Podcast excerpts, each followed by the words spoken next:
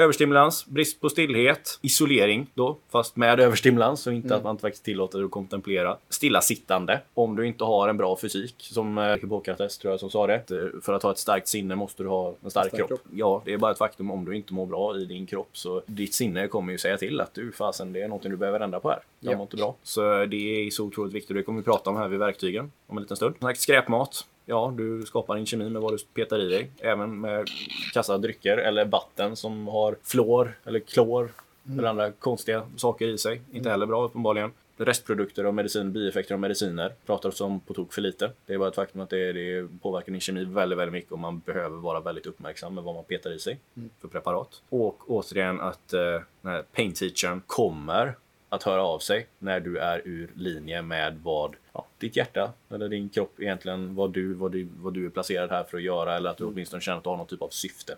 Ja. Har du inte det så och man bara fortsätter med ett jobb som man egentligen inte tycker om, en relation man inte tycker om, en ja, omgivning man inte tycker om. Vad det än må vara, alltså, du, du, ditt undermedvetna kommer förr eller senare säga ifrån. Viktor är tillbaka i podden och i det här avsnittet så är temat mental hälsa. Under en livesändning som vi gjorde i vår exklusiva Facebookgrupp så bjöd Viktor in mig till hans vanliga onsdagstid där han brukar ha allt från frågestund, matprat och eh, sätt som du kan helt enkelt optimera din hälsa kring. Så hade vi helt enkelt en öppen diskussion där vi diskuterade kring vad vi anser efter att ha jobbat med tusentals klienter och med vår egen mentala hälsa. Vad det är som kanske fattas ibland och vad som är viktigt att tänka på för att bibehålla en klar och bra mental hälsa. Både när det kommer till vår fysiska, mentala, emotionella och andliga hälsa. Allt detta har vi i det här avsnittet och i slutet på den här podden så har vi också lite frågestund med de som kollar på oss live när vi körde det här för en månad sedan. Så varmt välkommen att ta del av det som ibland sänds på insidan av PLC-medlemskapet och för våra klienter. Innan vi drar igång med det här avsnittet vill jag bara påminna om vårt samarbete med pureness.se.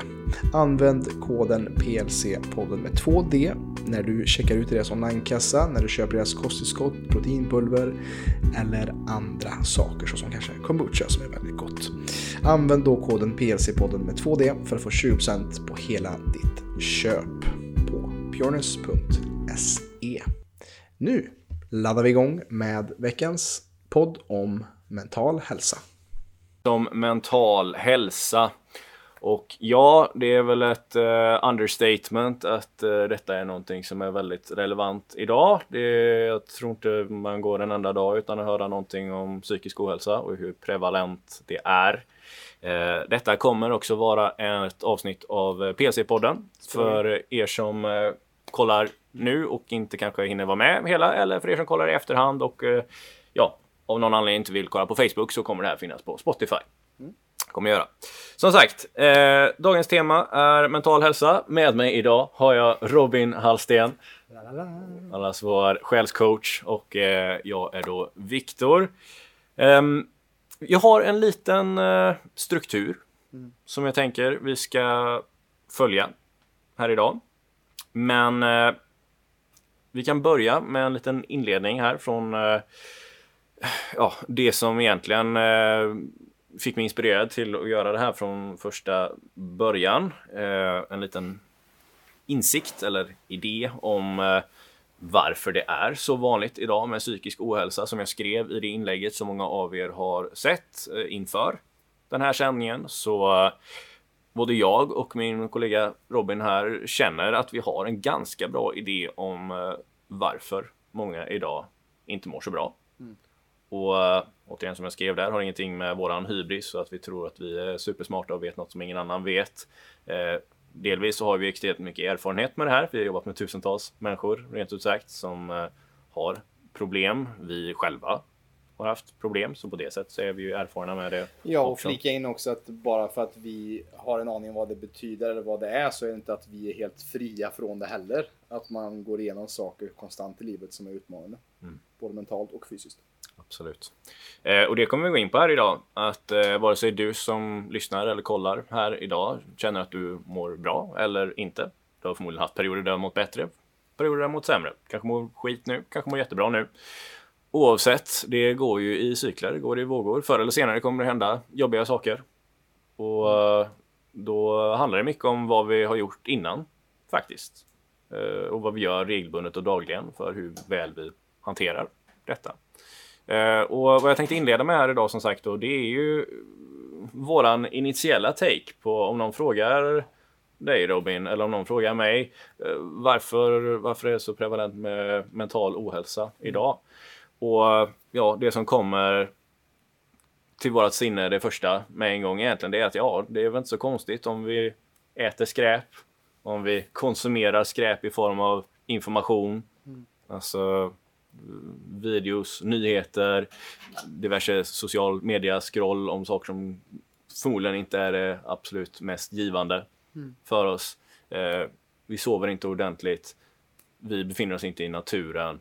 Vi ja, vi, har inte de här grundläggande eh, sakerna som en människa egentligen behöver för att må bra. Eh, ja, och så säger man att man mår dåligt och inte vet varför. Mm. Tills dess att vi åtgärdar de här grundläggande mänskliga funktionerna som vi ändå vet att vi behöver för att må bra.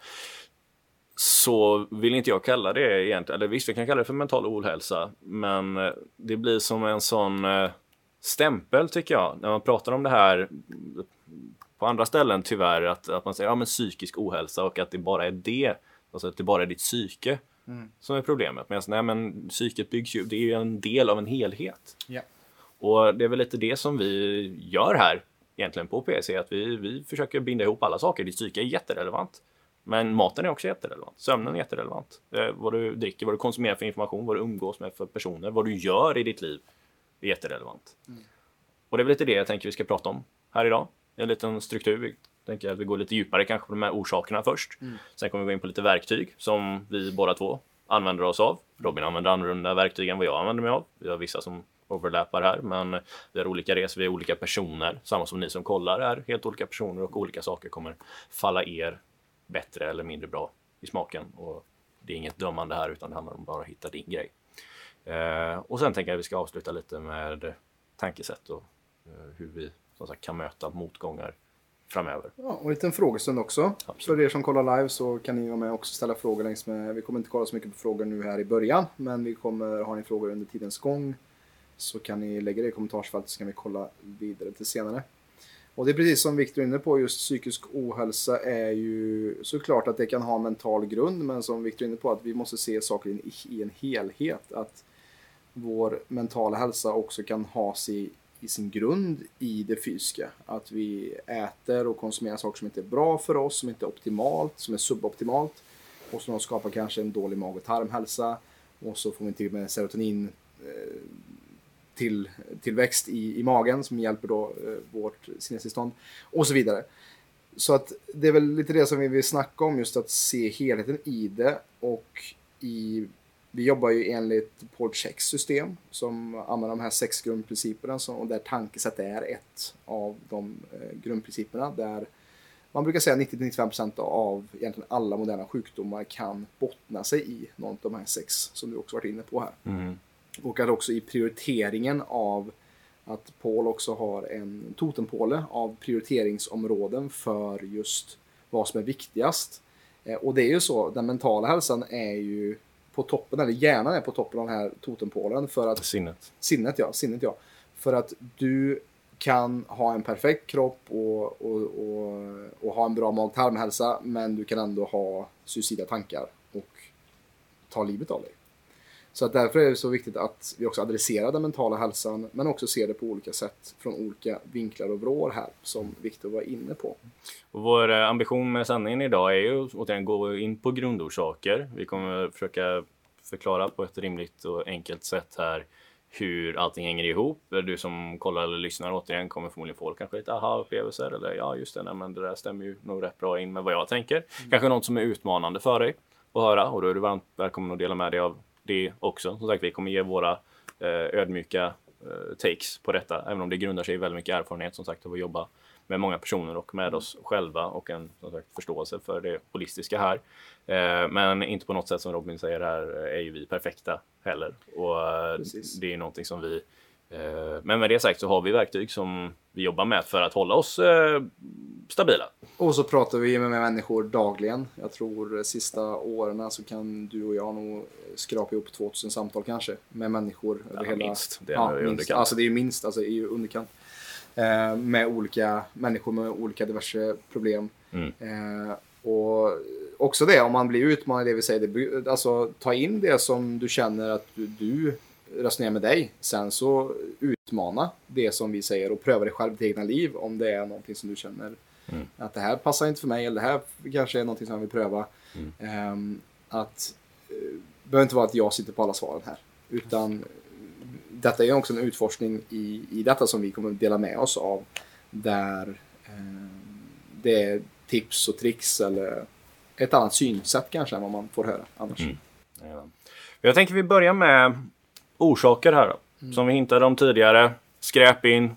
Ja, då kommer skräp ut som man brukar säga. Eh, det är svårt att skapa hälsa med, eller vad är tanke, eller inte tankesätt, vad är, vad är ordspråket? Eh, you can't make eh, chicken salad out of chicken shit. Mm. Eh, det är svårt att skapa någonting bra om allt vi får i oss är mindre bra kvalitet på. Ja. Och då snackar vi både mat såklart, men vi snackar också återigen umgänge. Vi snackar vatten, vi snackar beteenden, allt det här som bygger vår grundhälsa. Återigen från att komma tillbaka till de här sex grundprinciperna. Vad vi äter, vad vi dricker, eh, hur vi sover, hur vi rör på oss, eh, hur vi tänker Och hur vi andas. och hur vi andas.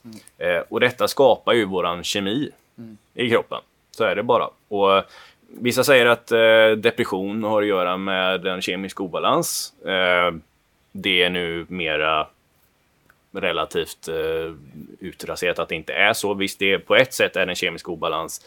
Men det är inte bara på grund av att en viss kemikalie är mer eller mindre som man mår kass. Eh, för det finns många eh, fall där detta inte är så. Eh, och det har redan satt det här med SSRI-preparat, för vad de gör är just att påverka serotoninupptag då i kroppen. Och det har satt det, eh, ja, ifrågasatt det en hel del det senaste. Eh, vilket är väldigt bra, för eh, både jag och Robin har väl eh, lite åsikter kring, kring det.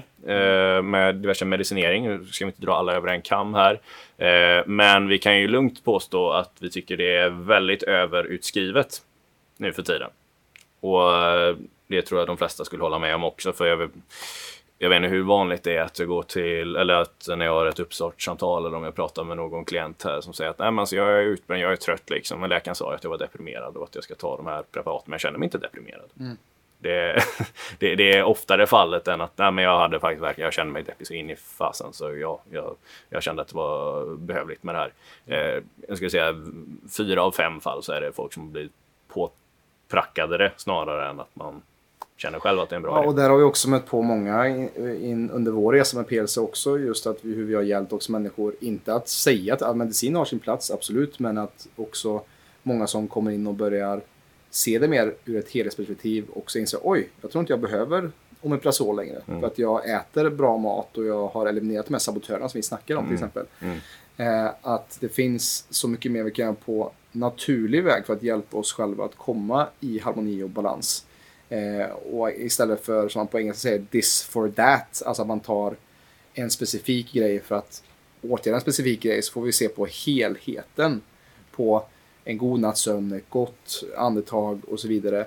Att det är en synergieffekt. Och det är ju det som är kanske problemet hur vi ser på hälsa i stort i väst också. Att det är en materialistisk och reduktionistisk sätt att se på saker och ting. Vilket gör att vi tror att det, bara, det hänger bara på en sak.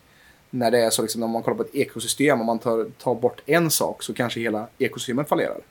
Och på samma sätt så behöver vi se det bredare och det är ett djupare perspektiv. Eh, och komma in mer till en holistisk syn på det. Och också, vi är ju i en tid där vi materialistiskt sett har aldrig haft det bättre, men vi mår sämre och sämre. Ja. Varför kan det vara så? Eh, och det leder väl oss in smidigt på vad jag hade staplat upp först här. Faktiskt, vi kan ta den sista punkten först, för det går ännu bättre in på detta just när vi pratar om diverse verktyg då. Eh, eller rättare sagt att vi, vi uttrycker våran eh, ja, våra åsikter här kring eh, just eh, SSRI-preparat och diverse antideppmediciner som återigen har en plats.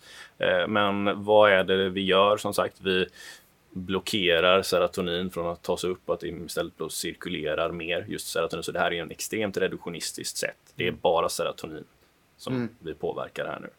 Eh, och ja, absolut, det kommer få dig som sagt att känna dig annorlunda och under en period kan det vara helt rätt. Men det här måste ju vara per definition kortsiktigt. För det första att det här har långsiktiga konsekvenser som inte alls är bra för de här receptorerna. Eh, men också att det är uppenbarligen någonting, det är ett brandlarm som piper. För det här går till också något som både vår mentor här, Paul, pratar om, mm. som vi också pratar om nu också mycket, eh, som vi kallar för pain teacher, mm. eller läraren av smärta. Mm. Att all typ av smärta, vare sig det är fysisk eller psykisk, är vårt undermedvetnas sätt att få vårt medvetna sinne bli medveten om någonting som inte är bra i vårt liv just nu. Precis. Och problemet med diverse preparat, eh, oavsett hur du självmedicinerar här, vare sig det är alkohol eller om det är någon annan typ av medicin, om det är SSRI-preparat, vad det än må vara. Det blockerar ju som sagt eh, din förmåga att känna här, vilket kan vara välbehövligt i perioder. Mm. Men det är väldigt vanligt och jag vet att folk som kollar och lyssnar här har sannolikt varit på, många av er har säkert varit på diverse preparat här i kanske 5, 10, 20 år. Det är inte alls ovanligt. Men vad det är, är ju att vi återigen blockerar någon typ av känsla som ju finns där av en anledning. Och mm. vare sig den anledningen då är eh, någonting som har skett historiskt sett, att det är en sorg, mm. det är någon typ av eh, trauma liksom. Um, och det är fullt naturligt att det existerar, det, det, så kommer det vara för alla. Förr eller senare. Vissa kan vara betydligt mycket grövre än vad andra. Jag pratar med folk som använder sig av dessa preparat eh, över lång tid på grund av riktigt grova trauman. Ja, eh, men också folk som har, en, alltså, några av dem som är de värsta som jag har hört, har också tagit det här under en period och mår nu bättre. Och mm. har börjat fasa ut för de vet att de vill inte leva på det här mm. eh, preparaten livet ut. Och har faktiskt gått till grunden och bearbetat den här sorgen. Mm. Och sorgen ska få ta sin tid, om det är en sorg. Även om det är andra saker. Det, det får ofta ta sin tid, men om det sträcker sig i 5, 10, 20 år då är det förmodligen några känslor, tankar, energier som har fastnat. Som man kanske behöver hjälp att facilitera och få dem att uh, släppas lös. Och uh, att man går igenom det. Och det finns många olika modaliteter för som vi kommer att prata om mm. om en liten stund här. Ja, för det är ju det som är så intressant ju mer jag och Viktor dyker djupare in i, vi har haft diskussioner kring det, att ju djupare vi dyker in i och också pratar med andra experter och de som är liksom Sverigeledande på att hjälpa människor med fysiska besvär så ser de oftast att det grundar sig i faktiskt emotionella besvär som manifesterar sig sen i kroppen. Som du säger, att, att undermedvetet bubblar upp på något sätt. Mm. Och en stor del av varför jag gör det jag gör är för att jag själv blev tagen ner på en alternativ väg av läkning under min, mina tonår när jag hade jättemycket ångest. Eh, och eh, hade problem med magen och fick Novalucol var det som jag fick från vården. Det var liksom det svaret de hade. Men det var liksom ångesten som var grunden. Och där hade jag en mamma också som har eh, gått in i väggen. Eh, och som också hade obearbetade trauman egentligen. Som hon gick på tung medicinering för i många år. Och det tog 10-15 år att också jobba, efter att ha tagit dem, att jobba ur de medicinska resterna som hon hade tagit under så många år också. Så det är därför också jag är eh, brinner för att jobba med PLC och jobba med kvinnohälsa också. För att eh, innan vi ska gå till de här preparaten som kan ha sin plats under en viss period i någons liv så måste vi först kolla på underliggande orsaker först och gå till grund och botten med de eh, grundprinciper som vi var inne på. Att det är så många som vi jobbar med som kommer in och har sitt första samtal med Viktor, sitt uppkörssamtal. Och deras läkare har inte frågat hur de sover, vad de dricker, vad de äter, hur de andas och hur deras situation är hemma. Utan man kanske har haft tio minuter och så får du någonting utskrivet. Mm. Eller situation på jobbet. Det är också en ja. himla massa som gör saker som Precis. de faktiskt inte alls brinner för. Ja. Och eh, det är det som händer just med den här pain teachern då. Om vi inte följer vårt hjärta om vi inte gör det som varför vi faktiskt var placerade här oavsett vad du tror på. Mm. Gud, universum, eh, stora spagettimonstret. eh, har vi inte någon typ av, eller vi behöver ha en typ av koppling med något större. Mm. Nu säger jag inte att du måste tro på Gud här, men känner vi inte att vi har något syfte så är vi redan lite illa ute. Mm. Och jag skulle säga att det är en markör av ohälsa att vara väldigt eh, blockerad för att känna att det finns en anledning med Mm. saker och ting. Det, det, det ska jag säga rent. Och det är ju också något som är väldigt prevalent idag i Sverige. Att Mm. eh, nu, som sagt, här ska vi vara så sekulära det bara går. Eh, och allt som har med religion eller eh, Gud eller eh, ja, något sånt, det, det, det ska vi liksom distansera oss från. Vi ska vara materialistiska, vi ska vara produktiva, vi ska vara effektiva. Eh, och eh, ja, sen så går vi och dör och lägger oss i jorden liksom, och så är det borta. Eh, såklart, har du den världssynen, det, det är ju klart att man blir deprimerad då om du inte känner att det finns en anledning till saker och ting. Ja, syfte är ju någonting som är alltså oftast det är ju en av våra första frågor vi har när vi har klienter eh, är ju vad är din dröm eller vad är ditt långsiktiga mål? Att ha ett syfte. Ha någonting beundransvärt att sträva efter, någonting som är större än sig själv eh, är ju otroligt viktigt eh, och det är det som gör att jag vaknar varje dag eh, taggad på att ha samtal och hjälpa människor att hitta det i sig själva. Det i sin tur är ju vår, mycket vår drivkraft. Eh, så att syfte, och det, det som du säger, det behöver inte vara att det är religiöst, men alltså ha någonting att kämpa för. Någonting att, alltså det är det som vi också tappat, att vi har, vi har aldrig varit så isolerade som vi är idag. Eh, och tappat den här känslan av sammanhang. KASAM snackar man mycket om i vården vet jag. Eh, att det är också något som är viktigt, att vi behöver komma tillbaka till att samskapa ihop och att eh, för mig är den största drivkraften är att hur kan jag ge tillbaka? Hur kan jag serva världen? Hur kan jag serva mina klienter och medlemmar här i PLC? Därför sitter jag här idag och eh, riskerar att, att bli ifrågasatt i en livesändning. Eh, eller vad det nu kan vara. Alltså att jag vågar stå upp för någonting. För när vi inte står upp för någonting, då faller vi för allt. Mm.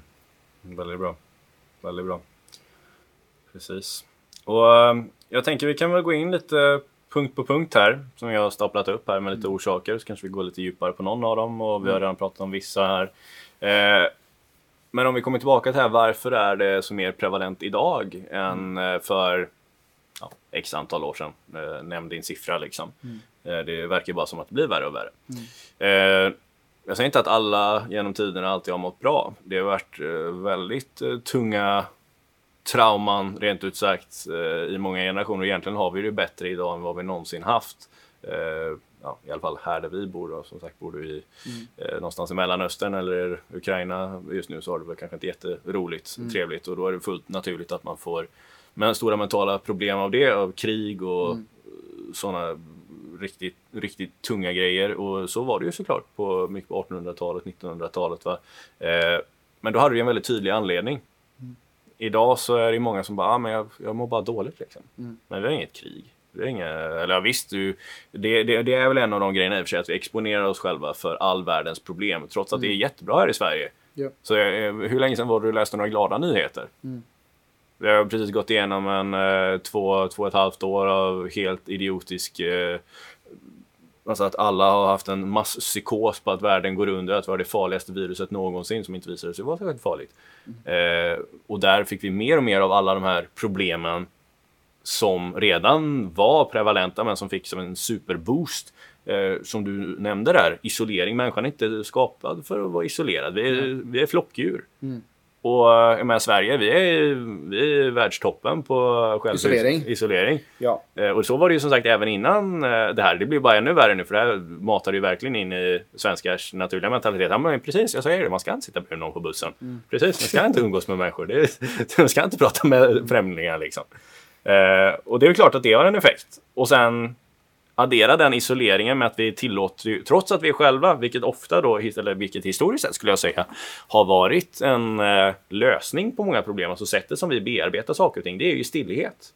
Som jag vet att du är väldigt, väldigt eh, inne på nu Robin och pratar mycket om eh, en stor grej för dig den här, det här året framförallt. Har du ju sagt som lite intention nästan.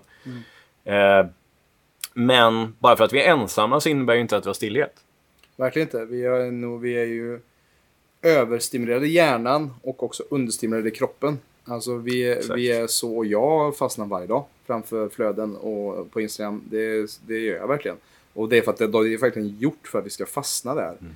Eh, men för mig är det så viktigt att bara komma ut och disconnecta från det där och connecta på riktigt med naturen. Alltså jag tror att mycket av det som du är inne på också grundar sig i att vi inte har den här kontakten till vår natur. Att vi har glömt bort hur viktigt eh, och hur viktig kontakten med naturen är. Och att vi är också bara en, ett djur. vi är en art eh, här på, på jorden som också kommer från Eh, vi också har varit en del av ekosystemet men nu är vi sett oss själva ovanför mm. det. Och Försöker separera oss från vår från biologi. Liksom. Ja, precis. Exakt. Och det är det som är en stor fara. Att vi glömmer bort vårt ursprung. Och där vi lever nu i en alternativ verklighet. Att det här med VR och, och det är klart du kan leva i, i Facebook eller Instagram men är det verkligen sant? Eh, det som postas och den personen som vi skapar oss online. Mm. Ehm, och att vi blir, blir, mer och mer virtuella när vi behöver komma tillbaka till grunden och det fysiska. Mm. Om vi tänker det här med vad vi egentligen matar oss själva med då. Om mm. vi tänker bara rent informationsmässigt här. Mm. Åt en, en, person som då inte mår bra. Eh, men om man frågar sig själv ärligt talat. Jag, menar, jag, jag har gjort det här med ja, det är väldigt få tillfällen där jag hittar någon som lever helt prima perfekt enligt alla de här principerna. Mm. Eh, och som upplever det här. För det är bara ett faktum att det, det, är mental ohälsa eller att man inte mår bra. Det är en direkt effekt av att någonting återigen runt omkring dig eller inuti, inuti dig inte är som det ska. Mm. Och det här är kroppens sätt att kommunicera med dig. Mm. Och det är, även om det är jobbigt att höra och säga, men någonstans så måste det ske. Hade inte din, eh, hade inte din kris skett där och du inte hade gjort någonting åt den så hade det ju fortsatt. Mm. Det hade, du, du hade en obalans där i som sagt ditt sätt att eh, kommunicera med världen. Mm. Eller i ditt sätt att möta världen som sagt med din ångestproblematik. Allt som, allt som skapades av det eller anledningen till det. Det fanns ju en anledning till det. Liksom. Ja, ja, precis. Likaså som för mig. Mm. Det fanns definitivt anledning till att jag hade mina problem. Att jag inte heller kunde gå till skolan på över två år. Mm. Uh, att uh, jag hade fantastiskt sjukt ont i magen. Uh, manifesterade diverse olika sjukdomar. Rent ut sagt, som egentligen inte var där. Jag låtsades för att jag inte ville gå till skolan. Mm. och sen blev det på riktigt faktiskt. Jag manifesterade någonting. För jag, låtsades som att jag hade, eller visst det var väl lite att jag, eh, magen sa ifrån liksom. Men så tryckte jag in hårdare och hårdare på det och så till slut blev det en riktig sjukdom. Mm. Och äh, även om det var jobbigt just då äh, så var det nödvändigt. För det, det är så kroppen funkar. Mm. Om vi lever på ett sätt Vare sig det är återigen vårt beteende eller om det är vad vi stoppar i oss. Vare sig det är information, om det är mat, om det är vatten, Eh, om det är vänner eller ovänner runt omkring oss. Allt det här är ju ett sätt för ja, om vi inte är i linje med vad vi egentligen ska göra för mm. att bli lite mer esoterisk här. Mm. Det, det, är klart, det ska ju vara, kroppen måste ju ha något sätt att säga ifrån att du, du är på fel väg här. Du har, om du har jävlig flyt, hundra år här mm. och göra din grej på jorden. Och just nu så eh, är du på väg åt fel håll. Och eh, antingen som sagt så korrigerar man där i god tid eller ju längre man väntar som sagt desto tydligare blir den här smärtan. Hej allihopa! Jonas här. Då jag vet att många i samhället upplever utmaningar kring sin hälsa men inte riktigt fått hjälpen de behöver så har jag lagt upp ett kostnadsfritt webbinar för dig som inte är medlem. I detta webbinar kommer jag prata om vanliga grundorsaker bakom konstant trötthet, låg energi, sömnsvårigheter, magbesvär och värk. Och du kommer även få mer info om hur vi på PLC jobbar för att åtgärda detta. Du hittar mer info om webbinariet i beskrivningen till detta avsnittet. Men med det sagt så tackar jag för mig. Tillbaka till dig Robin. Ja, och vi är ju också i en väldigt eh, smärtundvikande samhälle vi lever i idag. Vi har, så fort vi känner oss ensamma eller eh, någonting så kan vi ta upp mobilen eller om vi känner oss eh, ledsna så kan vi beställa Uber Eats. Vi behöver inte ens gå ut. Eh, det är så mycket i vår samtid idag där vi har det nästan för bra och alla de här dopaminkickarna att Smärta är någonting som är oundvikligt i livet. Men lidande, det är valbart. Eh, och smärta kan vara en stor, eh, stor lärare, som vi redan varit inne på. Eh, och det är ju grunden också, det skapar ju oftast ett djup. Alltså det är grunden till varför du och jag jobbar med hälsa idag, skulle jag säga. Och det är så viktigt, och för att komma tillbaka till, du snackade lite om stillhet tidigare. Det är också det som saknas, att vi oftast är för upptagna med för mycket stimuli och lyssnar på vad alla andra har att säga om oss. Eh, eller våra hälsoproblem. Så att vi glömmer bort att lyssna på vad, vad känns faktiskt rätt? Hur känns det när jag äter detta? Hur är det när jag är i stillhet? Vad dyker upp i mitt undermedvetna? För oftast är det också någonting som är jobbigt som många undviker. Att, att faktiskt vara i stillhet med sig själv. Vara i tystnad, meditation, kontemplation.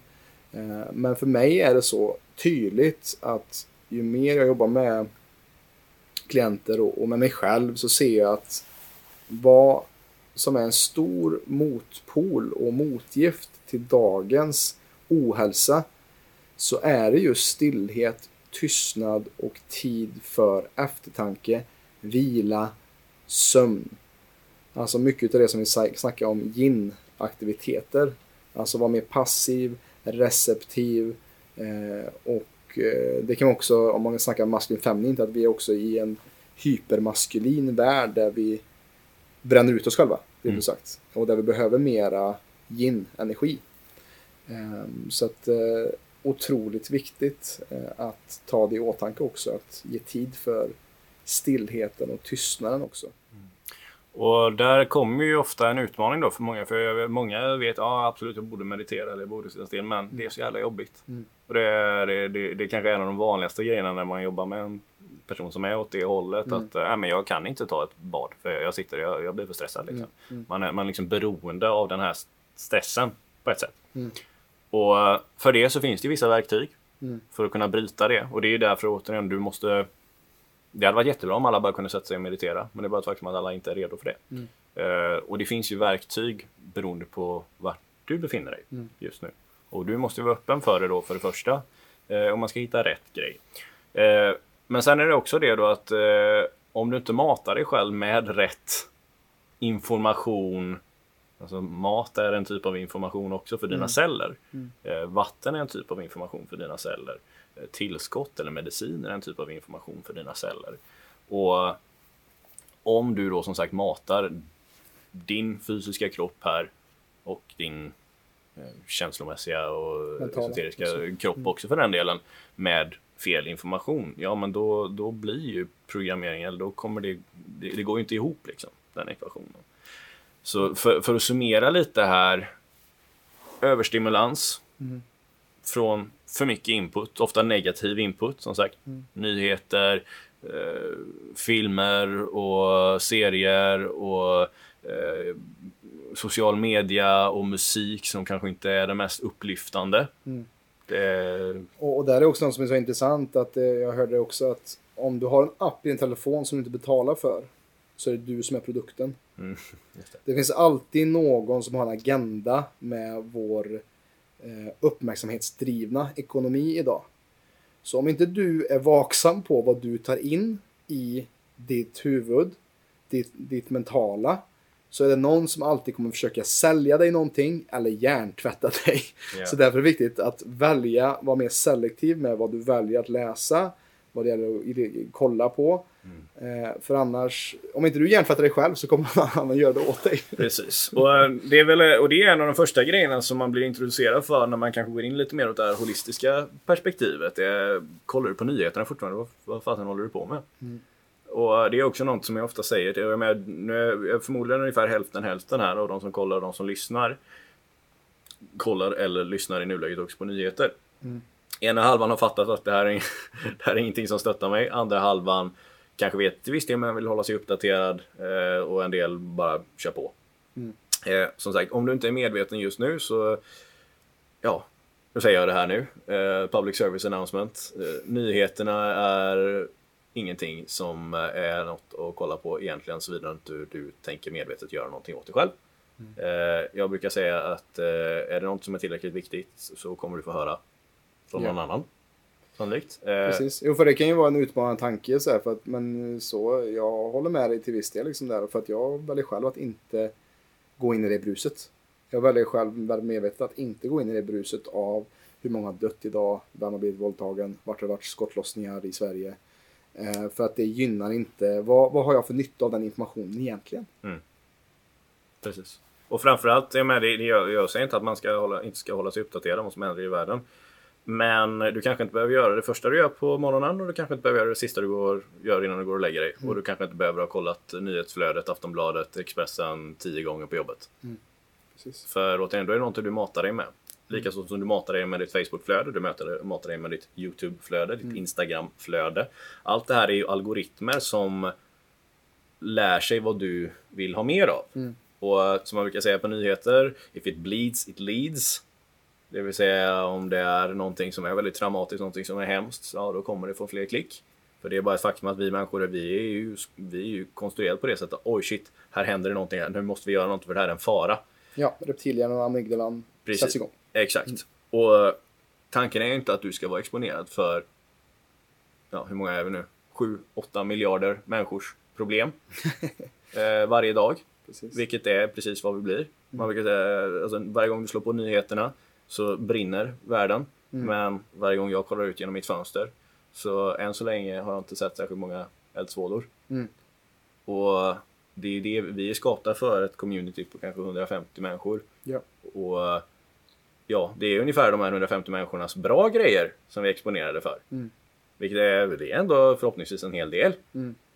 Många fina människor som är ändå trevliga och eh, ja, ger dig en sittplats eller hjälper någon på gatan. Så de flesta människorna är jätteschyssta. Mm. Men kollar du på nyheterna och hör allt som sägs där så är det ju väldigt farligt överallt, hela tiden, konstant. Och det är för att du ser 150 personers bra grejer runt omkring dig, Mm. men du är exponerad för 7 miljarders negativa Mm, grejer. Precis, precis. För det är det som faktiskt eh, kommer fram där. Mm. Eh, Så det är en väldigt viktig del att tänka över lite. Återigen, nu säger jag inte att du måste sluta kolla på nyheter här, men eh, välj återigen vad för information är det du matar dig själv med. Varje gång du klickar på någonting så kommer du få mer av det.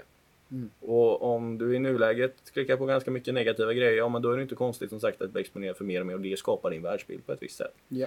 Och du behöver medvetet skapa dig fler positiva interaktioner. Både med människor, för det är också en grej. Om du alltid är negativ mot andra, då är det ju det. Du har förmodligen vänner som är väldigt lika dig. Mm. Och man pratar om sina saker. Och eh, det kan jag säga att historiskt sett så har jag haft vänner som kanske inte är de mest positiva. Nu för tiden har jag väldigt positiva vänner. Det är att jag medvetet väljer att umgås med de som är enligt mina värderingar. Mm. Det är att jag säger nej till, eller jag väljer aktivt att inte delta i saker som jag inte tycker om. Jag dricker väldigt sällan alkohol nu för tiden. Och det är av en anledning. Jag kan tycka det är jättetrevligt att sitta och dricka vin och, eh, och, och ha det trevligt liksom. Men det är bara ett faktum att när jag umgås jag med folk som dricker mycket eller som att man är på ställen där folk dricker mycket så brukar det ofta vara en mentalitet som inte jag Mm. tycker om. Mm. Det är en energi som inte jag gillar och då väljer jag medvetet att inte delta i det. Med det sagt så finns det jättefina och trevliga människor som dricker och det kan man absolut ha jättekul med. Men just de traditionella ställena där jag historiskt sett har gjort det funkar inte så mycket, eller det, jag tycker inte om det längre så därför väljer jag aktivt att inte delta. Ja. Eh, Och det är att jag väljer återigen vilken information vill jag ta in i min kropp. Eh, Och sen då var det ju från eh, människorna runt omkring som jag syftade Mm. på. Men även såklart alkoholen i sig. Mm. Och mat som mat och dryck. Om du, återigen, det är det här som skapar din inre kemi. Och ja, vi vet att eh, hur vi mår är till viss del kemi. Inte bara, men till viss del. Och återigen, du kan inte skapa något bra från något dåligt. Om, det är, alltså, om du inte har grundstenarna för att bygga ett hus. Som sagt, om du, om du, om du har liksom materialet till det, ja, men då kommer det inte bli ett hus. Det kommer bli någonting som kanske liknar ett hus. Mm. Eh, om du liksom fuskar med hälften av ingredienserna. Men som sagt, du behöver rätt råmaterial för att kunna skapa hälsa. Ja. Och det är därför vi också alltid börjar där. Mm. Med maten. Med din andning. Med vad du dricker. Med hur du rör på dig Med sömnen. med sömnen. Mm. För återigen, det är det här som ger dig förutsättningar till att ens kunna må bra. Ja. Jag menar, om du, visst, det är vissa som mår jättebra trots att man äter skit och eh, behandlar kroppen som skit. Och, eh, ja, man kan må bra ändå. Vissa har jätteflyt där. Eh, Men ja, förr eller senare kommer det sannolikt bli någon typ av smärta såvida inte du är Ja. en av de få som av någon anledning inte var programmerad för att få några negativa konsekvenser av dina val där. Eh, Men det är bara ett faktum att vi, vi bygger ju upp vår egen kemi liksom. Och det är det som också är ovanligt att höra idag. Under de här tre senaste åren med den här kinesiska snuvan som gick runt, jag vet inte om någon har märkt det eller hört talas om den. Eh, men under den tiden så var det väldigt, väldigt, väldigt, väldigt sällsynt att på större mediekanaler som eh, Ja, det var väldigt sällan man hörde hur mycket saker man faktiskt kunde göra för att stötta Precis. ditt immunförsvar. Ja. Medan vi fick höra hur viktigt det var med diverse olika mediciner och allt som var farligt och hur många som dog konstant. Mm. Men jag vet inte, hur- jag, jag tror inte jag hörde en enda gång från, eh, från på SVT eller TV4 att... eh, Hur viktigt är sömnen för ditt immunförsvar? Eller din mat? Eller medicin? och Soljus? mat och, Annars på rätt sätt? Precis. Det var bara snack om massa olika former av behandlingar. Liksom, men Mm. ingenting om det. Och det, det säger ju väldigt mycket. Mm. Eh, skulle jag säga. Men eh, ja, det, för att summera. Orsaker. Överstimulans, brist på stillhet, eh, isolering. Då, fast med överstimulans och inte Mm. att man faktiskt tillåter att kontemplera. Mm. Eh, stillasittande. Mm. Det är, om du inte har en bra fysik, som eh, från eh, Hippokrates tror jag som sa det. Att eh, för att ha ett starkt sinne måste du ha en stark, kropp. Ja. Och ja, det är bara ett faktum om du inte mår bra i din kropp så ditt sinne kommer ju säga till att du fasen det är någonting du behöver ändra på här. Jag Ja. mår inte bra. Ja. Så det är så otroligt viktigt det kommer vi prata om här vid verktygen om en liten stund. Eh, som sagt, skräpmat. Ja, du skapar en kemi med vad du petar i dig. Även med kassa drycker eller vatten som har fluor eller klor eller andra konstiga saker i sig. Inte heller bra uppenbarligen. Eh, restprodukter av medicin, bieffekter av mediciner. Pratar oss om på tok för lite. Mm. Det är bara ett faktum att det, det påverkar din kemi väldigt, väldigt mycket och man behöver vara väldigt uppmärksam med vad man petar i sig Mm. för preparat. Eh, och återigen att eh, den här pain teachern kommer att höra av sig när du är ur linje med vad ja, ditt hjärta eller din kropp egentligen, vad du, vad, du, vad du är placerad här för att göra eller att du åtminstone känner att du har någon typ av syfte. Ja. Har du inte det så och man bara fortsätter med ett jobb som man egentligen inte tycker om, en relation man inte tycker om, en eh, ja, omgivning man inte tycker om. Eh, vad det må vara, alltså, du, det, ditt undermedvetna kommer förr eller senare säga ifrån. Ja. Och tills dess att vi fixar de här underliggande orsakerna så, så är det inte konstigt Nej, precis. att vi inte mår bra. Eh, och det tänker jag summera ganska väl. Mm. På det. Vad, vad är orsakerna, anledningarna till det här? Eh, näst tänker jag att vi ska prata lite verktyg. Ja. Och eh, många av dem har vi ju redan såklart eh, nämnt till viss del, för det är motsatsen till vad vi Mm. har sagt orsakerna är med skräpmat. Ja, att äta mat som stöttar din kemi istället Ja. som inte stöttar det. Eh, och då jag sy- syftar jag ju främst såklart på att följa matrekommendationerna, att äta tillräckligt med energi för att ens kunna stötta din fysiologi här. Men framförallt här då kanske att undvika sabotörer Mm. för din kemi. Yes. Som till exempel alkohol. Som till exempel diverse olika mediciner. Som till... Vitt socker. Ja, och alla typer av skräpprodukter rent ut sagt som finns i maten. Och det är, jag, menar, jag vet att jag är konstig när det kommer till, men det märker jag när jag pratar med normala människor om mat. Eh, och, och jag berättar hur jag tycker och de bara, men fast, nej, men alltså, jag älskar smågodis och jag, det är klart att jag ska äta chips liksom varje helg och det är klart att man ska ta en eh, Nocco eller en Cola Zero om man vill ha något sött. Liksom. Mm. Bara, det, det är klart du kan göra det men, och det funkar för någon som inte har problem. Men det funkar tills det inte funkar längre. Och det är först då vi också inser vad konsekvenserna av det här är. Men det är just det att det här tar ju i regel lite tid. Såvida du inte har något uppenbart, typ att du är glutenintolerant och käkar gluten får ont i magen. Mm. Det är väldigt enkelt att göra den kopplingen. Men annars är det ju att de här mindre bra måltiderna, så även om man kan vara lite hård i magen efter en McDonalds-besök kanske, eller att man eh, märker av att eh, ja, kroppen säger ifrån lite grann. Det, det är ju ganska subtila grejer, framförallt för en person som är relativt i balans. Så märker du inte av det här på en gång, utan det tar 5, 10, 20 år Mm. innan den här ackumulerade skadan verkligen Ja. visar sig. Hälsa byggs ju upp i varje ögonblick. Precis som ohälsa byggs upp i varje ögonblick. Så det är inte så också. Men det stöter man också mycket på i våra klienter att ja, men jag gör tre eller sex månader av den här coachingen med Viktor och Robin och sen är jag färdig. Medan man förstår ju inte att när det kommer till vår hälsa så handlar det ju om dagligt arbete. Och att vi i varje situation och varje stund av vårt liv kan välja vägen till hälsa eller ohälsa. Och att varenda tanke som vi har skapar en handling, handlingen skapar sedan våra vanor och våra vanor skapar våra liv. Och det kan ju skilja på en person som kanske dricker tio koppar kaffe om dagen eller någon som inte dricker kaffe alls. Att, att veta att eh, alla våra handlingar har en konsekvens och en reaktion av det vi gör. Eh, och att det är så otroligt viktigt att påminna sig själv om att vara närvarande i det vi gör. Mm. För det är oftast när vi gör saker på autopilot och omedvetet som vi skapar problem för oss själva. Mm. För även om jag sa här att eh, att eh, de här signalerna inte kanske märks av så tydligt till en början. Eh, det gör de egentligen om du faktiskt lyssnar. Mm. Som sagt, du kommer definitivt märka om 5, 10, 20 år. Mm. Du kommer märka det på magen, du kommer märka det på hyn, du kommer märka det på ja, diverse sjukdomar man kanske drar på sig, immunförsvar etc. Eh, men det är ju faktiskt så att kroppen kommunicerar konstant med oss vad den tycker om saker och ting. Och anledningen till att man inte då märker av när person som äter massa lösgodis till exempel, eller chips eller McDonalds eller eh, petar i sig diverse preparat, vad det nu må vara. Eh, anledningen till att den inte direkt märker negativa konsekvenser, det är för att man inte lyssnar. Mm. Det är för att du inte har den här stillheten. Det är återigen, du överstimulerar, du vill inte känna in hur det här kändes. Mm. Du eh, blockerar dig med att helt, ja, kolla på någonting samtidigt som du äter. Istället för att faktiskt lyssna på kroppen och vara lite mer närvarande. Yeah. Uh, när du käkar och liksom äta mer intuitivt, lyssna på. Vad vill jag faktiskt mm. verkligen ha? Uh, den ger oss återigen alltid, alltid kommunikation om vi kan sakta ner och stilla ner och lyssna. Mm. Och det här är något som, ja, det, det, det, det är det har vi alltid kunnat göra i, alltså för, för flera... Det har varit naturligt för oss ja. Varit alltså, naturligt historiskt. Haft, de, de urbana miljöerna är vad som är normalt idag.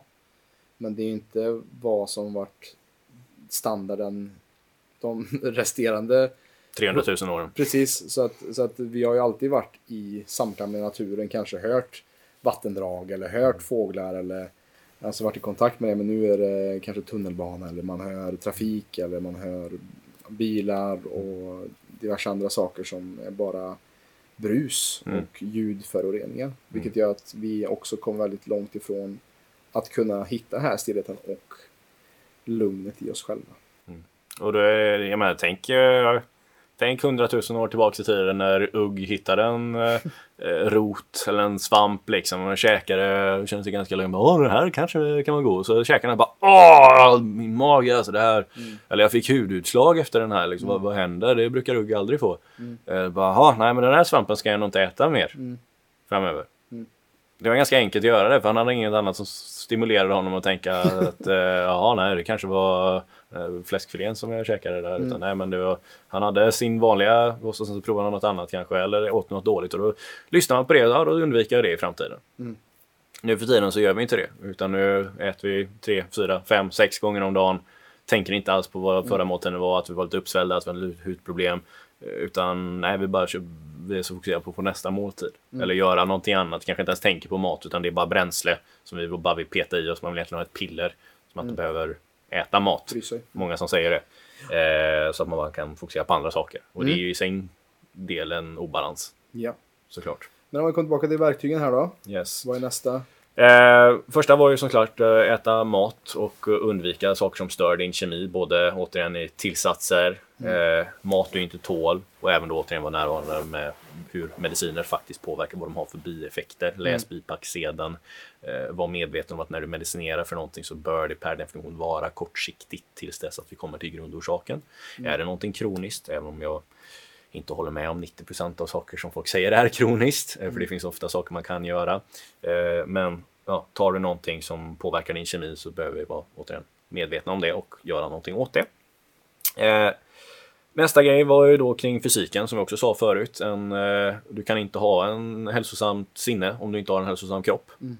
Så din fysik är någonting du bör sträva efter. Det är ju något som vi ofta pratar om med våra klienter, även om vi ofta inte säger att man ska börja med träning Framförallt inte om man är utbränd och sönderstressad. Då kanske du inte behöver ytterligare en stress i ditt liv. Men vi vill alltid sträva efter att skapa så pass mycket energi, Ja. livsenergi, från mat, från sömn, från vila, från de här lugna sakerna.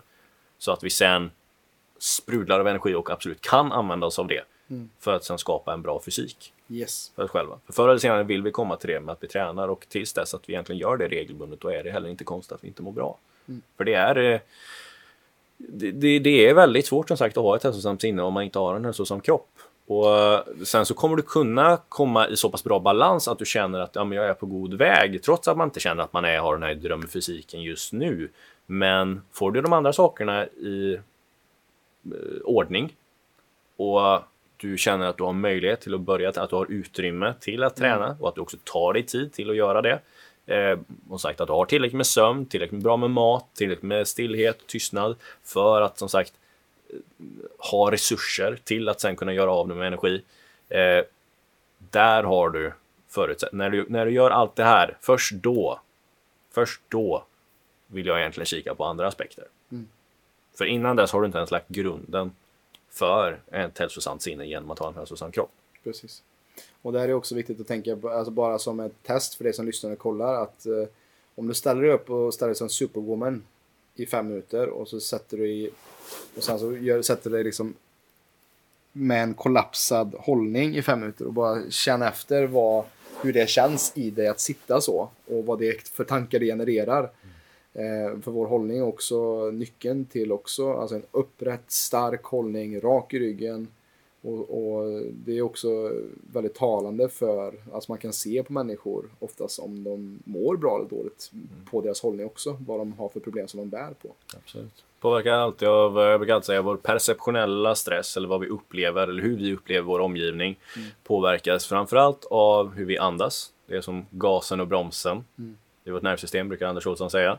Att eh, ju snabbare vi andas, desto mer gasar vi på, desto mer uppe i varv, desto mer stressade kommer vi känna oss. Eller ja, fokuserade kanske till en början. Sen om du hyperventilerar tillräckligt länge så kommer du få en panikattack. Eh, om vi bromsar andningen så kommer vi känna oss lugnare och komma ner i varv och stimulera mer av det parasympatiska. Så det, vår andning påverkar direkt hur vi upplever världen och eh, ja, stress runt, runt omkring oss. Hållningen då, som sagt, vilket också för övrigt är väldigt korrelaterat med din andning. Andas du inte bra så brukar det väldigt ofta vara för att du har en kass hållning. Tillsammans med att du är stressad såklart. Men ja, återigen gör du den här, eh, om, du, om du skjuter fram huvudet och eh, kollapsar bröstkorgen så är det svårt att ta ett djupt andetag. Ja. Det är väldigt svårt. Medan om du sträcker på dig, slappnar av och du kopplar på din posturalkedja då kan vi ta ett ordentligt andetag. Och det är som sagt både att det ökar din syresättning i kroppen, vilket får dig att få mer energi.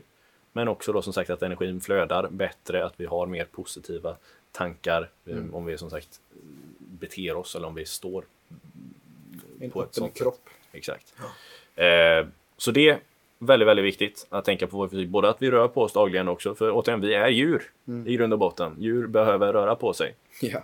Eh, vi behöver äta riktig mat, vi behöver dricka vatten, vi behöver andas ren luft och vi behöver rörelse. Ja. Bara ett faktum. Och är det så att du i nuläget eh, inte är ute särskilt mycket, du inte får solljus, du inte dricker till och med vatten, du inte äter bra mat, du rör inte på dig ja, mer än en timme om dagen egentligen skulle jag säga. Så sagt, det är, ja, men 30 minuter borde väl räcka. Eller 30 minuter fyra gånger i veckan. Räcker inte det? Nej, kort sagt så gör det inte det. Eh, vi behöver röra på oss mer och det är bara ett faktum att eh, gör vi inte det, får vi inte upp emot ett par timmars rörelse egentligen om dagen, eh, så kommer det ha ganska stora konsekvenser. Nu säger jag inte att du måste men, träna men två timmar. 10 minuter är bättre än inga minuter. Precis. Också. Så att man ska inte sätta för hög, alltså för er som lyssnar och kollar också, om ni inte har den tiden just nu så gör det ni kan. Och känn inte att oj, jag får inte in en timme om dagen, för det gör ju inte en timme om dagen heller, alltid. Så att det är också viktigt att se vad har man att jobba med den dag som man är i. Absolut, och jag med, det ska jag vara ärlig med också. Jag får inte heller den rörelsen varje dag. Eh, jag, jag brukar kanske en timme om dagen i alla fall. både Från promenad och träning gemensamt. Sen så vet jag att jag mår väldigt mycket bättre om jag har fått rört mig ännu mer. Säg att man varit ute i skogen någon dag till exempel, rört sig väldigt mycket. Den dagen sover man i regel väldigt mycket bättre. Mm. än den dagen som jag varit inne och jobbat och kanske fick mig en liten 30 minuters promenad. Det är stor skillnad. Med det sagt så hade jag mått väldigt mycket sämre om jag inte hade fått en 30 minuters promenad. Ja. Och med det sagt Viktor, vi får vara lite varsamma med tiden också idag. Så att eh, vi får rappa på lite tror jag. Vi får rappa på lite. Men yes, det var fysiken. Eh, daglig reflektion och stillhet. Tillåta sig själv att, tänka, eh, att känna känslor och tänka tankar. Mm. För att på så vis bearbeta dem. Mm. Och det väl lite komma tillbaka till det här just att vi inte tillåter oss själva att komma ner. Precis, och vi har varit inne på det mycket med stillheten och tystnaden. Eh, så jag vet inte om vi behöver gå in på den allt för mycket, men det kan också vara bra att eh, ha någon form av eh, anteckningsblock eller bok. Att skriva dagligen eller någon gång i veckan bara för att se vart är jag just nu och vad behöver jag just nu. Och eh, det är lite här som jag tänker meditation passar in. Meditation, Absolut. Meditation, kontemplation, vare sig den är stilla Mm. Eller om den är i rörelse. Mm. Om den är i naturen eller om den är i hemmet. Eh, naturen är väl alltid kanske lite bättre. Ja, Eh, och helst utan elektronik då. Precis. Och Ja. nu när det blir lite varmare, helst barfota också om Ja. det går bra. Jajamän. Mm. Och eh, för er som känner att det är svårt som sagt att sitta still eh, så finns det ju rörande rörelsemeditationer. Jag skulle Mm. säga att eh, yin-yoga och qigong Mm. är alldeles utmärkta. Framförallt qigong, en personlig favorit för mig. Qigong Mm. och tai chi. Det, är en, det är väldigt monotoma rörelser. Det är inget avancerat. Eh, Men det handlar om att stilla oss, stilla vårt sinne och det blir som en rörelsemeditation Mm. i sig. För precis på samma sätt som när du fokuserar på att komma tillbaka till närvaro när du sitter och mediterar Ja. eh, så är det precis det du gör med qigongen också när du fokuserar på andetaget och att vara närvarande. Precis. Väldigt stor del av det. Och det kan vara att du inte kan vara närvarande just nu, att du har massa tankar. Och det skulle jag säga är bra. För då tillåter du dig själv att tänka dem. Mm. Så länge det inte är att man stannar på samma tanke i 50 minuter och ältar någonting. Ja, och meditation handlar inte heller om att man alltid... Många tror att man... Ja, jag kan inte meditera för att jag tänker för mycket. Bara, ja, jag har gjort det i 15 år också och jag tänker fortfarande tankar när jag mediterar. Det är helt oundvikligt. Eh, och där det bara släppa prestation av vad meditation ska se ut och vad du ska få ut av det. Meningen mycket med meditation är att bara tillåta sig att vara i stunden och fokusera på andetaget. Oftast. Bra. Ehm, nästa grej här. eh, innan vi pratar om eh, specifika verktyg som olika former av terapier Mm. och liknande. Eh, det är att jag vill också vill lyfta, egentligen det kan vi ta mot slutet här också, men att, att göra saker som är jobbigt under kontrollerade omständigheter så att du faktiskt är redo när det sker jobbiga saker i livet. Att du aldrig liksom upplevt någon form av motstånd eller motgång. Jag menar, det är, eh, vissa personer hanterar stress väldigt annorlunda. För en person är någonting som bara, "Ah, jag kan inte röra på mig, jag är helt eh, frusen av skräck eller stress för att det här var så jobbigt. Eh, exempel många drar är ju, eh, ja, men, eh, tjejen som aldrig, alltid fått allting, eh, aldrig haft någon motgång, alltid haft det lätt i skolan och så eh, har, har hon inte fått sin rätta kaffe liksom och så har man ett stort utspel över det. För att det här, var, det här var det värsta som hänt henne liksom. Eh, Medan en annan som, ja, nej men jag har haft det jävligt tufft nu, den här kaffen, det var inte så farligt att den var kall. Liksom. Mm. Och det, det var ett extremt exempel. Mm. Men vad det handlar om är ju att, som du också sa förut, att eh, svårighet bygger karaktär. Mm. Eh, att ta sig igenom svåra perioder, att ta sig igenom saker som är jobbigt, att utmana sig själv gör att andra utmaningar ofta blir mindre utmanande kanske. Ja, Eller att du åtminstone är van, du har varit där tidigare. Man har en idé om hur man hanterar det. Eh, och det går ju som sagt in på några bra former av jobbiga saker man kan göra under kontrollerade omständigheter som vi båda gör regelbundet. De som jag har skrivit ner här, jag vet inte om du vill tillägga något ytterligare, men det är värme och kyla. Mm. Så bastu och eh, kalla bad eller kalldusch Ja. eh, som någonting jobbigt man gör, men som ändå lämnar oss starkare. Eh, utmanande träning, Ja. ytterligare en, någonting jobbigt vi gör av ingen annan anledning att det är jobbigt och att vi vet att vi kommer bli bättre av det. Eh, och även att eh, utmana sig själv utanför sin komfortzon Mm. i livet. Ja. Olika saker och ting. Att man, ta, att man kanske försöker tala inför folk eller att man eh, eh, ta den här konversationen eller konflikten eller vad det må vara liksom, som är jobbig och att man liksom inte skjuter på saker och ting. Har du något att tillägga där? Ja, alltså livet kommer alltid ge dig utmaningar oavsett vem du är och eh, vart, vart du kommer vara. Eh, så därför är det min, en av mina livsmissioner är att ständigt utsätta mig för saker som är medvetet jobbigt. Alltså, jag springer maraton och har sprungit 100 km på en dag som mest. Eh, under vintern nu så har jag i stort sett, för jag bor bredvid en sjö, så har jag i stort sett badat nästan det första jag gjort på morgonen. För att göra någonting jobbigt. Eh, för det ger perspektiv också på vad som faktiskt är jobbigt. Eh, och väljer vi att, som jag nu också, jag vet Viktor håller också på med kampsport, jag har precis också börjat med judo nu. Eh, och jag är hellre förberedd och rustad för när utmaningar kommer. Att jag är rustad för värsta tänkbara scenariot än att jag hoppas på att allting alltid kommer att vara bra och fluffigt och, och allting kommer att vara omhuldande och bra i hela mitt liv. För det är min, min eh, erfarenhet av livet är att så är det inte alltid. Och man kommer bli sviken, man kommer att krossa hjärtan, man kommer få krossat hjärta ibland. Ehm, och därför är det så viktigt att om jag medvetet möter livet med att ta mig ut från min komfortzon så kommer det göra att när väl livet utmanar mig på riktigt så är jag bättre rustad för att då har jag lärt mig i en säker container i träningsrummet att självreglera med hjälp av min andning när jag är i kallt vatten. Eller eh, om jag behöver springa så vet jag att jag kan springa oftast, jag kan nog springa snabbare och längre än den som jagar mig. för, att, eh, för att jag har tränat så pass mycket på det. Eh, så att alltid vara i, eh, i balans, i, men också inte pusha sig själv för hårt. Och någonting som jag tycker är intressant är det här talsättet att jag är hellre en en soldat i trädgårdslandet än en eh, trädgårdsmästare i krig. Mm. Alltså att, att, att vara a gardener, den är bättre på engelska. I'm, I'm rather a gardener, uh, a warrior in the garden than a gardener at war. Alltså att vi bygger upp våra resurser och eh, är beredda på att saker kan bli jobbigt. Eh, och att det är bättre att vara förberedd än att bli tagen på sängen. Ja, och det går alldeles ypperligt in på, här på mindset som jag tänker vi skulle avsluta med. Vi tar det först istället, sen så går vi in på olika former av terapi i slutet mm. istället, mm. tänker jag. Mm. Eh, för det du beskriver här är ju en eh, livsfilosofi som kallas för stoicism. Mm. Det vill säga att vi är, vi, vi är redo, vi, vi ser att eh, utmaningar är tillfällen att växa. Yeah. Att eh, vi vet att saker kommer ske och vi behöver göra oss redo för det. Mm. Eh, och ju mer som sagt redo vi är, ju mer av en krigare vi är i fredstid, desto mer kommer vi vara redo för när det verkligen gäller yeah. också, för den delen. Eh, och det går ju också in på det här att saker sker för dig.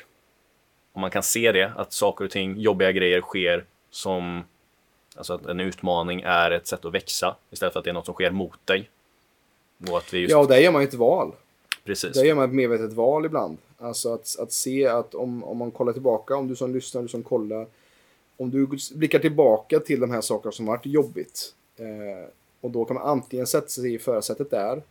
Eller att man kan anta sig en offerroll och sen så skylla alla livets hemskheter på den här händelsen. Istället för att som jag ser det som skedde med mig med min ångest när jag var yngre. Eh, ingenting kan någonsin ta bort den smärtan. Men om jag bygger, fortsätter bygga mitt liv runt om smärtan och bygger en större och större cirkel runt om min smärta så gör det att smärtan och ångesten har mindre betydelse.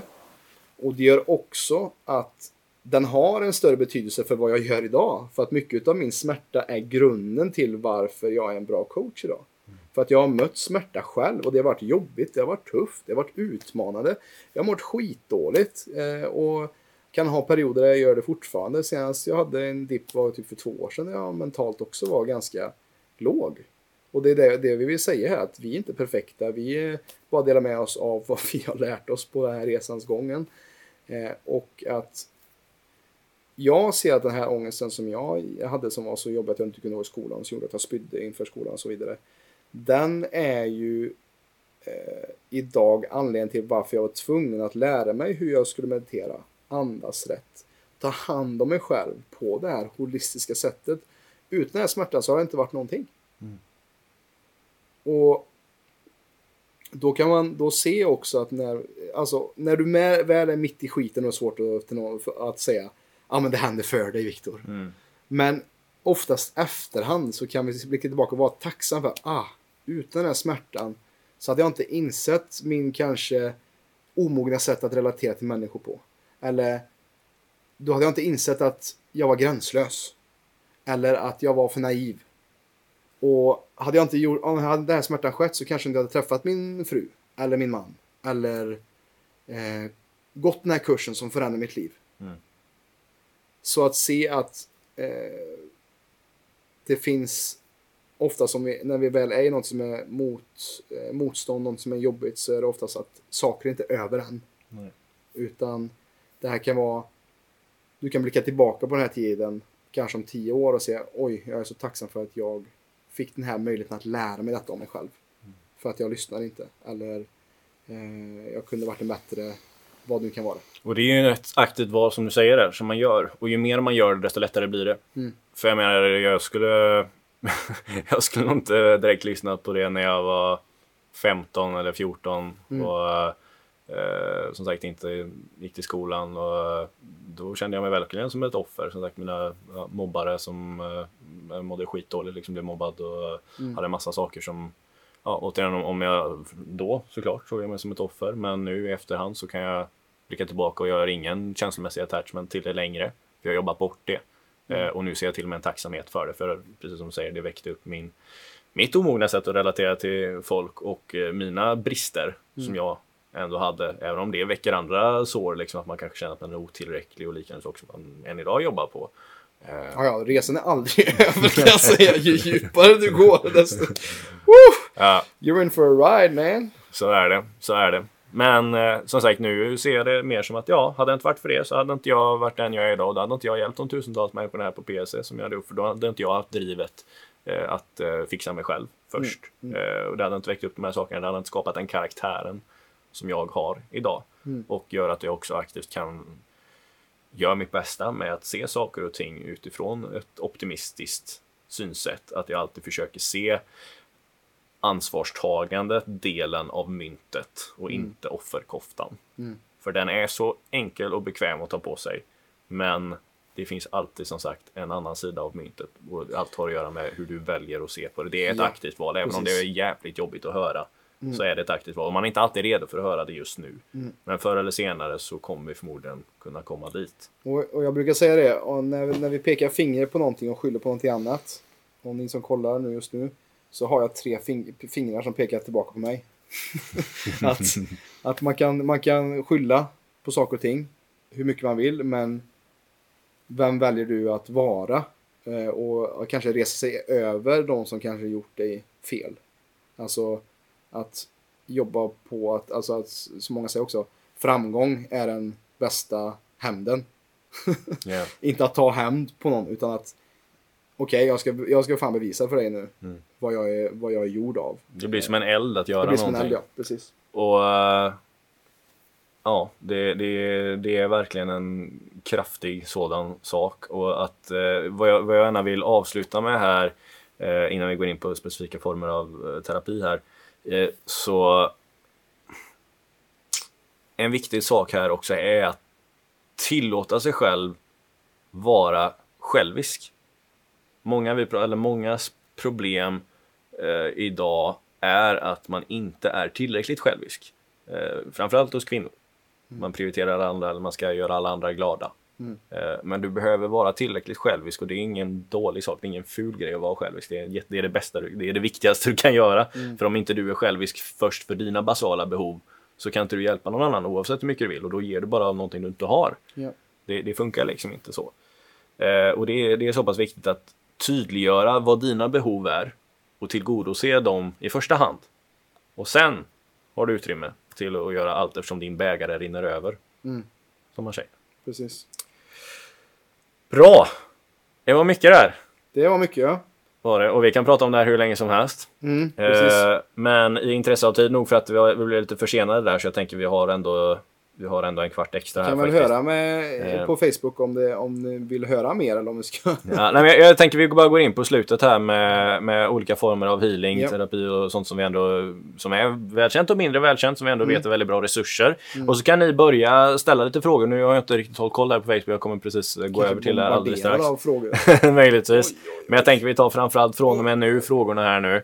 Eh, som ni har utifrån detta. Eh, Sen kommer jag scrolla tillbaka lite om vi har tid till det. Eh, men eh, ja, eh, om det är lite tankar, känslor, saker som väcks här som, eller någonting ni vill höra lite våra tankar kring så skriv det gärna nu. Så kommer vi gå in på det här om Något som några, har varit några utmanande här idag. Så skriv det också. Absolut. Vi kanske har fel. Vi säger inte att vi har rätt. säger vi inte. Eh, ja, som sista punkt här. Former av hjälp man kan få. Och återigen, eh, det finns ju hjälp att få. Vi är ju coacher, vi är hälsocoacher här. Vi hjälper till med eh, ja, de flesta delarna, för vi är holistiska hälsocoacher. så vi gör allt här. Eh, men om man, så inser också att vi har inte, vi har Vi inte har kanske gränser. spetsen på alla, alla områden. Precis, och just att det, det vi gör här det är ändå på distans. Eh, och det kan vara så att man kan må väldigt bra av att träffa någon Fysiskt. fysiskt. Absolut. Eh, vare sig det har med biomekaniska saker att göra, till exempel. Alltså olika former av fysioterapi, naprapat, osteopat, kiropraktor. kan vara jätteviktigt. Först sagt in, eh, ja, om du är ur balans rent biomekaniskt så kommer det manifestera sig i kroppen. Eh, sen så är det ju tyvärr eh, lite svårt att hitta någon duktig. Har man specifika biomekaniska problem så är det alltid bäst, skulle jag säga, för er att fråga mig. För jag har väldigt många som jag känner till runt omkring i landet som är väldigt duktiga och eh, kan ge bra referenser på det.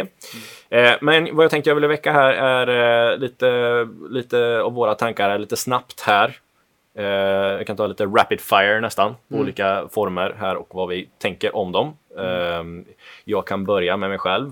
KBT är någonting som är väldigt populärt nu för tiden, som också är faktiskt en väldigt bra form av, eh, av behandling. Just att du lär dig identifiera tankar och ja, sånt identifiera mönster och kunna bryta dem, liksom hur man pratar med sig själv etc. Eh, jättebra form. Eh, det enda är att det är ju på den medvetna delen av sinnet och som vi vet så är eh, ja, man säger att mellan 1 till 5 procent av ditt sinne är medvetet medan 95 till 99 procent är omedvetet. Ja, och mycket grundar sig oftast kanske i saker som skedde när vi var mellan 0 till 7 år. Som kan styra oss väldigt mycket idag. Ja. Och det kan vara lite svårt att uh, KBT sig ur det. Som sagt med ditt medvetna sinne om vi ändå vet att majoriteten av det har att göra med det undermedvetna. Eh, så det är väl lite det som är gräns- begränsningen med det. Med det sagt så, finns, så, så är det en väldigt bra plats för, som många har tillgång till. Eh, och eh, kan definitivt vara intressant att ta några sessioner.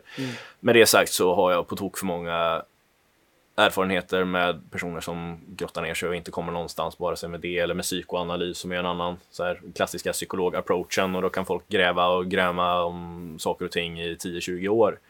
Medan vissa andra behandlingsformer kan fixa det på Mm. sådär, om man går till rätt sak.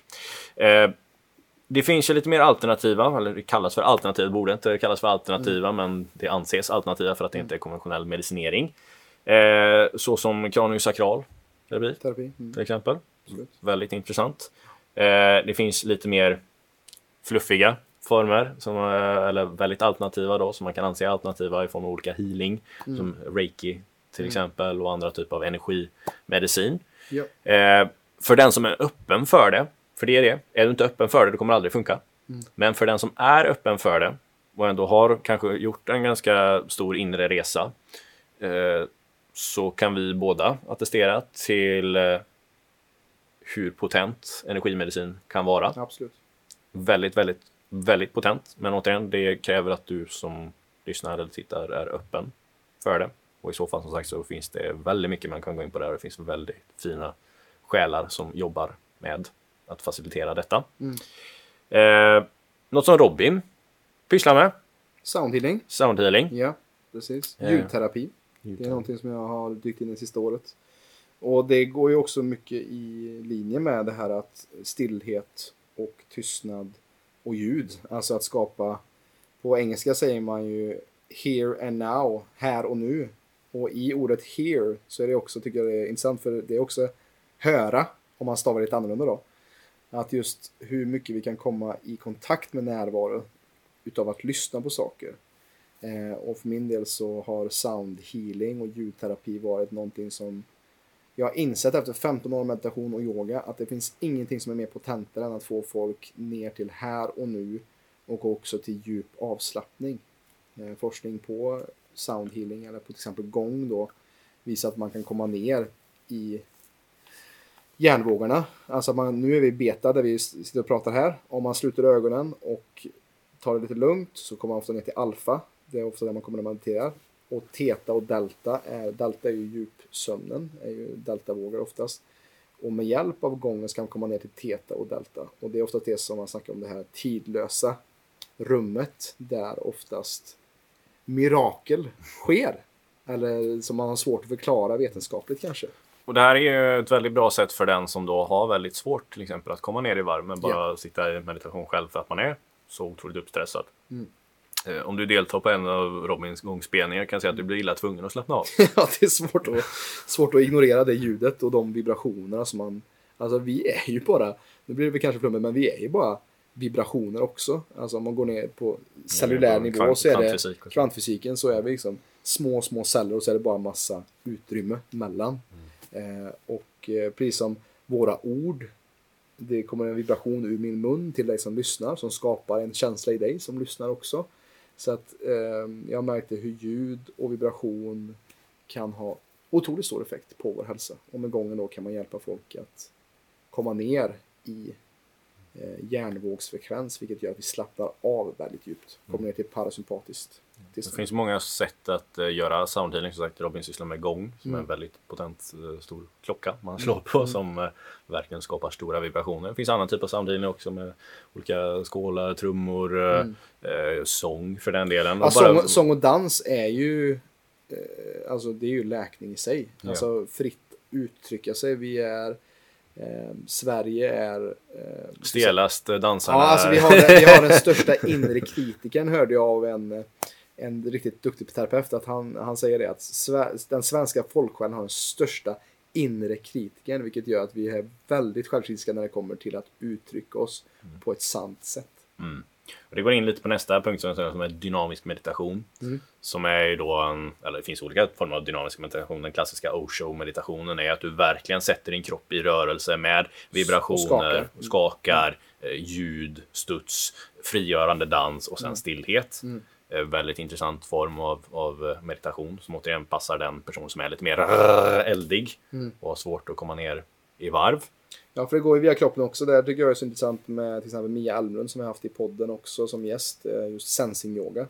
Alltså, och mer somatisk typ av yoga eller traumasensitiv yoga där man går genom kroppen och kanske jobbar med känslor också som kan sitta fast i kroppen någonstans. Det som sitter fast i kroppen, ja, det, det kan jag konstatera. Jag har bölat som en treåring när jag har fått en, en djup eh, deep tissue massage eller efter en form av frigörande form av yoga eller så.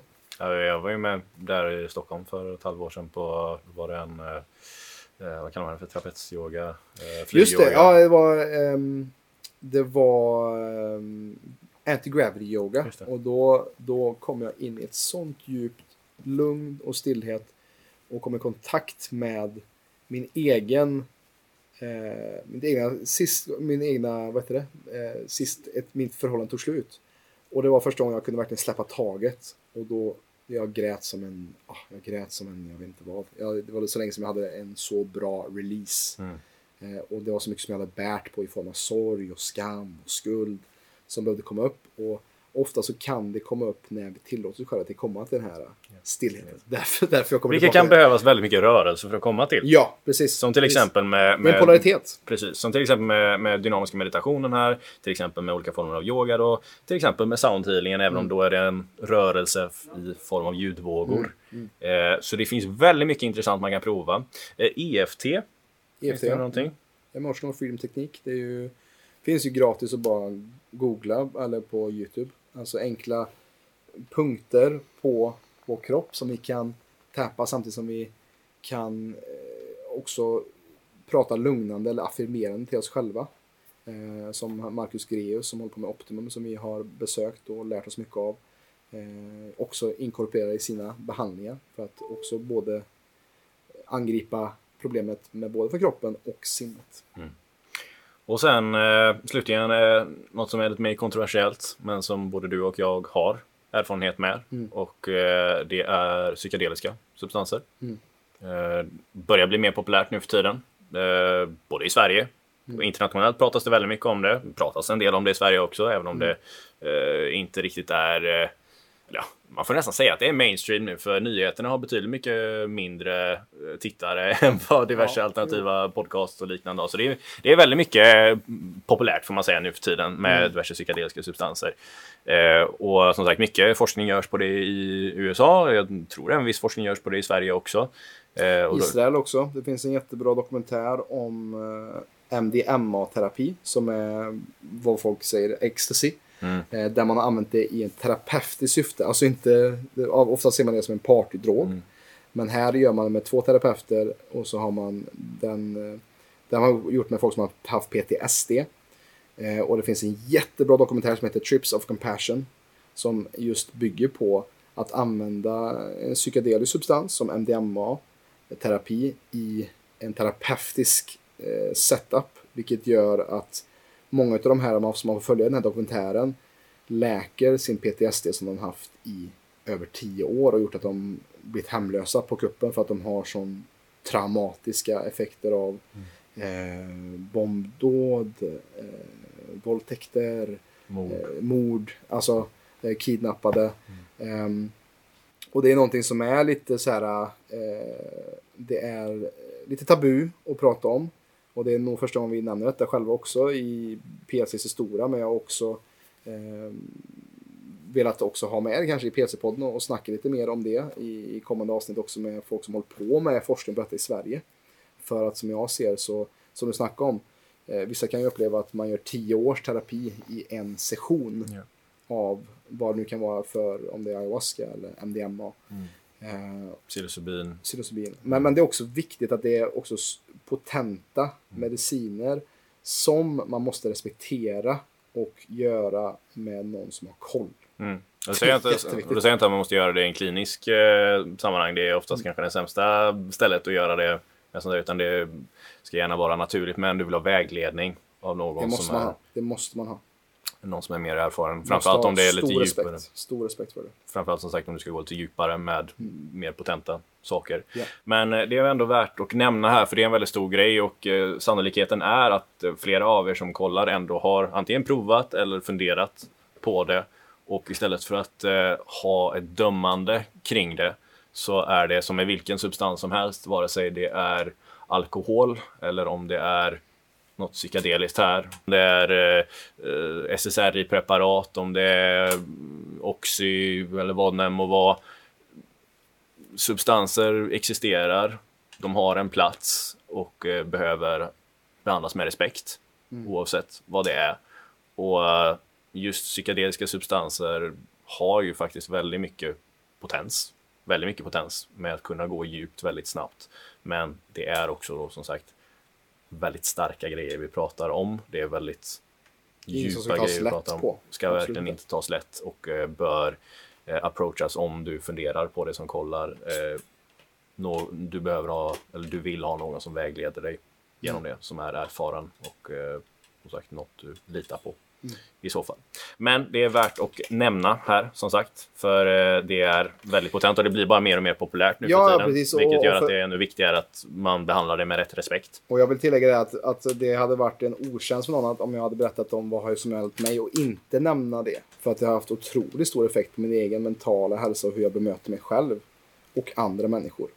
Eh, men med det sagt så väntar jag också på att det ska bli mera eh, accepterat också så att man kan göra det på ett säkert sätt. För att så fort du har någonting som är förbjudet eller oreglerat så skapar det också en väldigt eh, svår grej att göra det på ett bra sätt. Mm.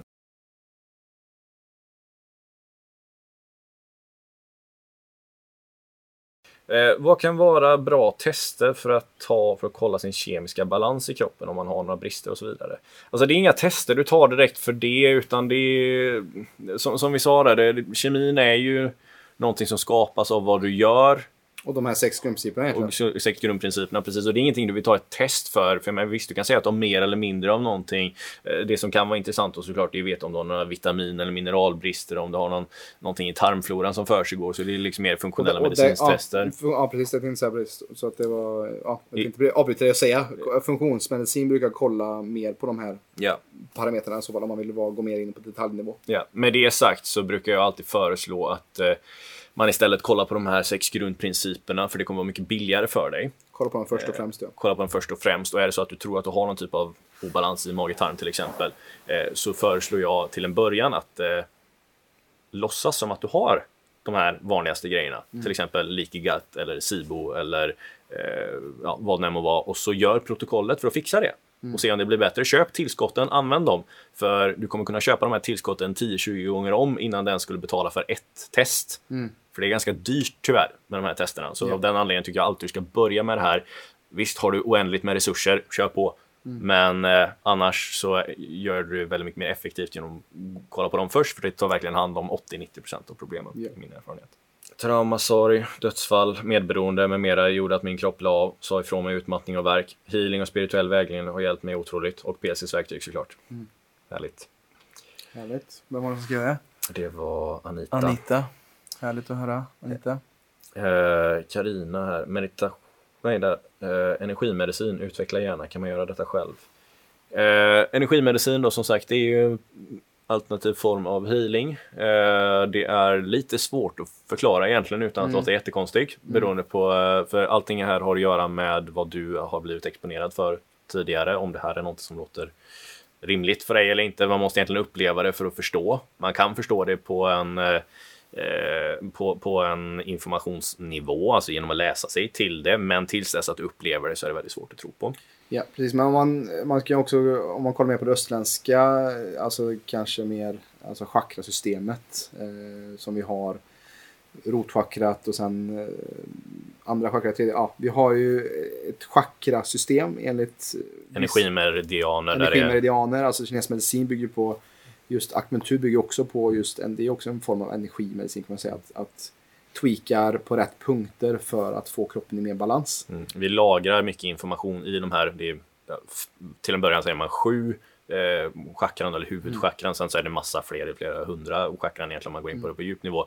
Eh, men vad det är, liksom nervceller som är extra eh, extra komprimerade på de här sju punkterna där vi då lagrar information och energi Eh, och det här går ut då i olika energifält bla bla bla. Det, det är faktiskt en vetenskap bakom det. Ganska vedertag, eller det är vedertagen eh, vetenskap. Det finns jättebra grejer på det. Svårt att förklara så här på enkelt och snabbt sätt, så vi får nog skippa det. Men kort sagt, det finns äh, människor som jobbar med detta och faciliterar eh, frigörelse av lagrad energi, till exempel sexuella trauman då, sätter sig framförallt mycket i bäckenbotten, eh, i Rotchakrat. och i ditt andra chakrat. Precis. Eh, vilket ofta manifesterar andra problem där, som till exempel kanske diskbråck eller bäckenproblematik. är väldigt Mm. ofta som sagt lite känslomässiga trauman som är, som är kopplade där. Och vad då en energimedicinsk eh, eh, faciliterare, Terapeut, terapeut gör är att eh, hon eller han hjälper till ditt energifält att eh, frigöra Och få detta. flöde. Få flöde dit, att få de här känslorna kommer ofta bubbla upp Mm. igen och då har du till exempel med de här EFT-teknikerna som vi pratade om. Mm. Eh, och om du har då en terapeut, man kan göra det på egen hand men det är väldigt svårt. Det är Mm. också det här som dyker upp när du mediterar tillräckligt länge.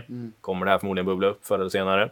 Eh, men man, man kan liksom skynda på den här processen och förutsatt att du är redo för det så kan en duktig eh, person som håller på med det här och hjälpa till med att släppa på den här känslomässiga kopplingen till eh, ditt fysiska eh, då. Och eh, det, vi har sett flera exempel på det när man blir av med smärta som man gått med i 5-10 år.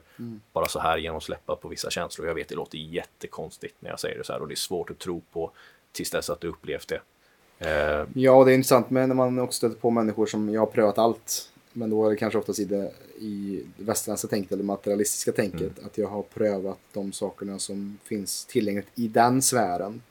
Och då kanske man får gå lite djupare. Och kolla vad det är för emotionella saker som ligger här och, och som blockerar kanske mig i mitt flöde som människa eller mitt uttryck eller vem jag är. Eh, Att, att skina mitt sanna jag. För oftast är det det det ligger i, att, att man kanske inte vågar vara sig själv fullt ut. Och det i sig kan Skapar ju smärta. skapa smärta.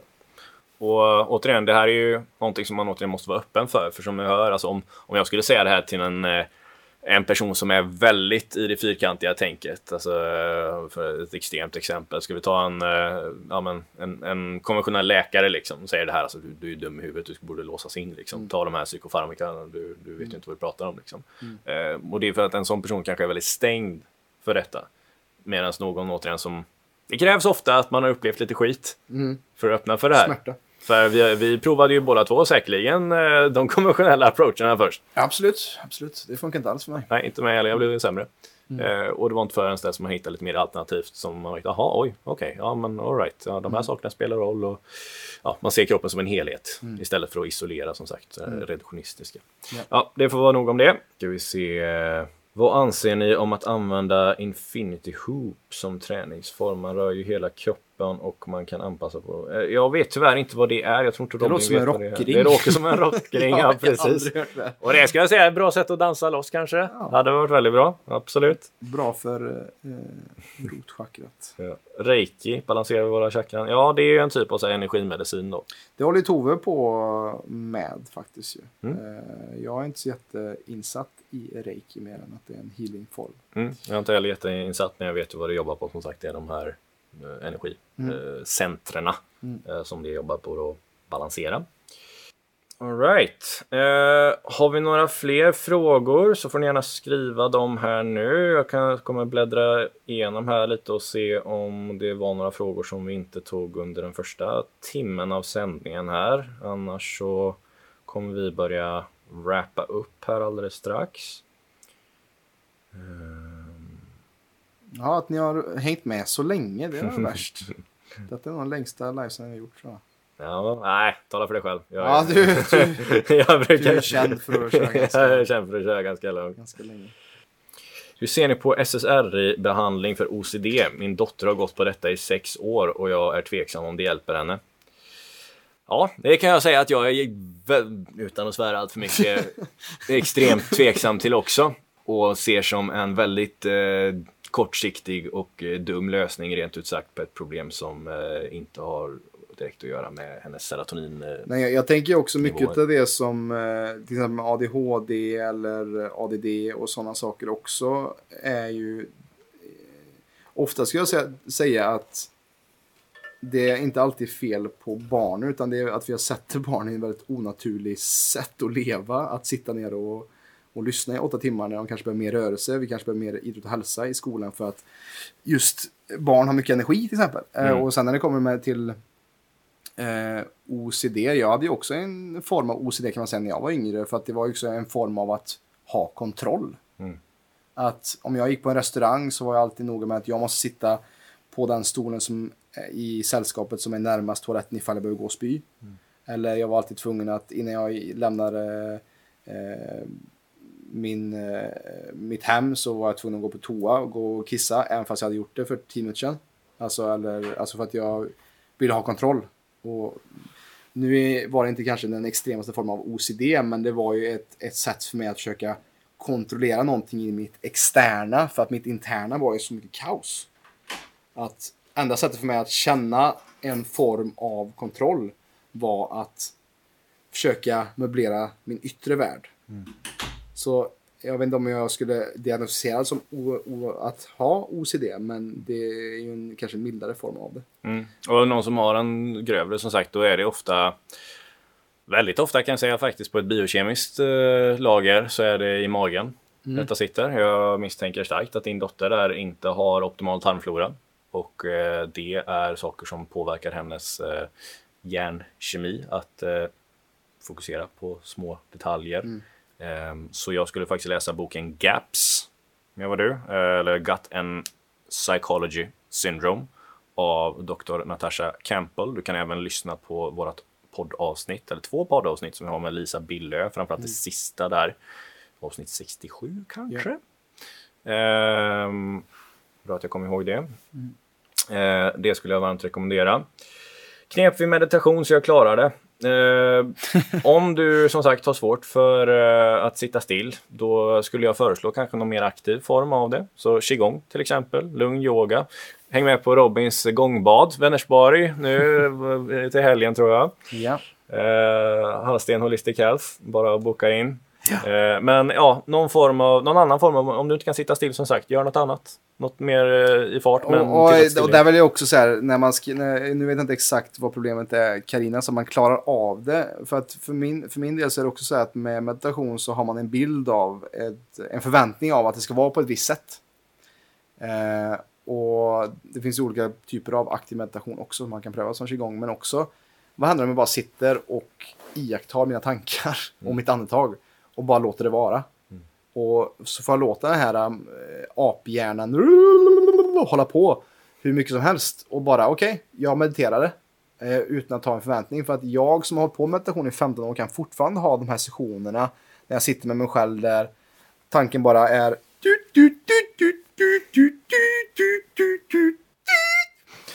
och det är helt normalt. Eh, Men jag är inte helt normal. Nej, det märker vi allihopa. Eller det är vi fullt medvetna om, det är därför jag älskar dig. Ja.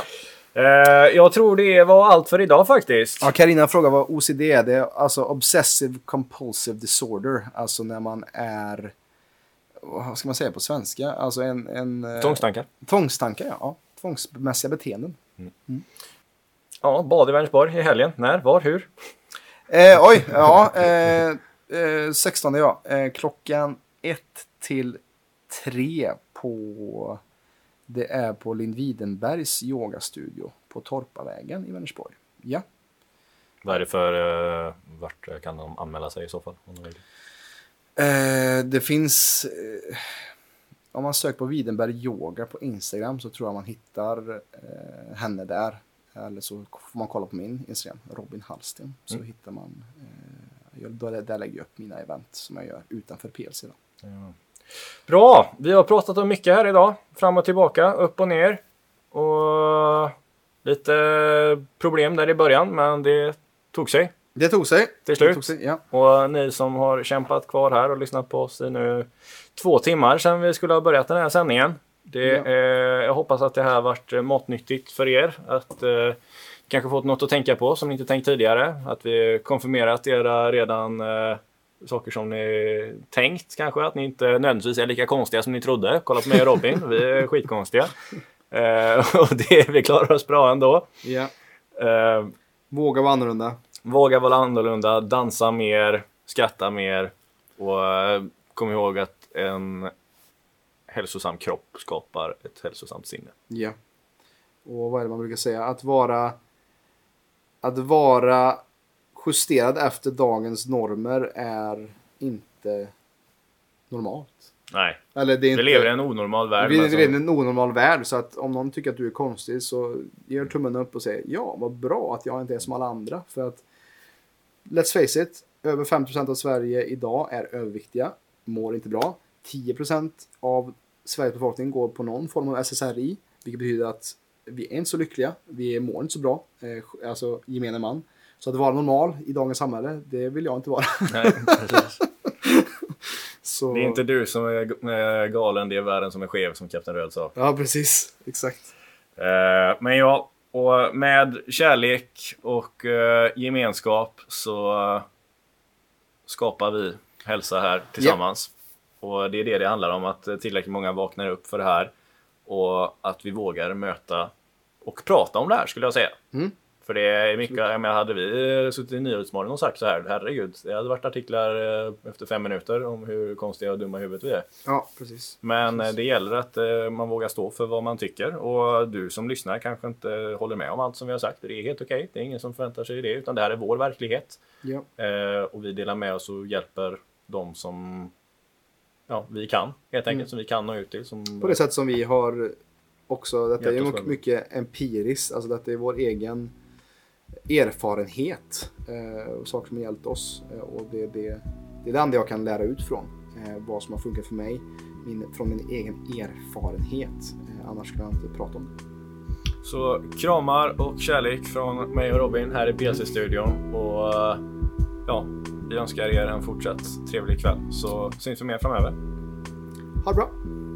Stort tack för att du har lyssnat på detta avsnittet av PLC-podden. Om du som lyssnare är intresserad av att få bättre balans på din kropp och hälsa så kan du gå in på www.plclub.se.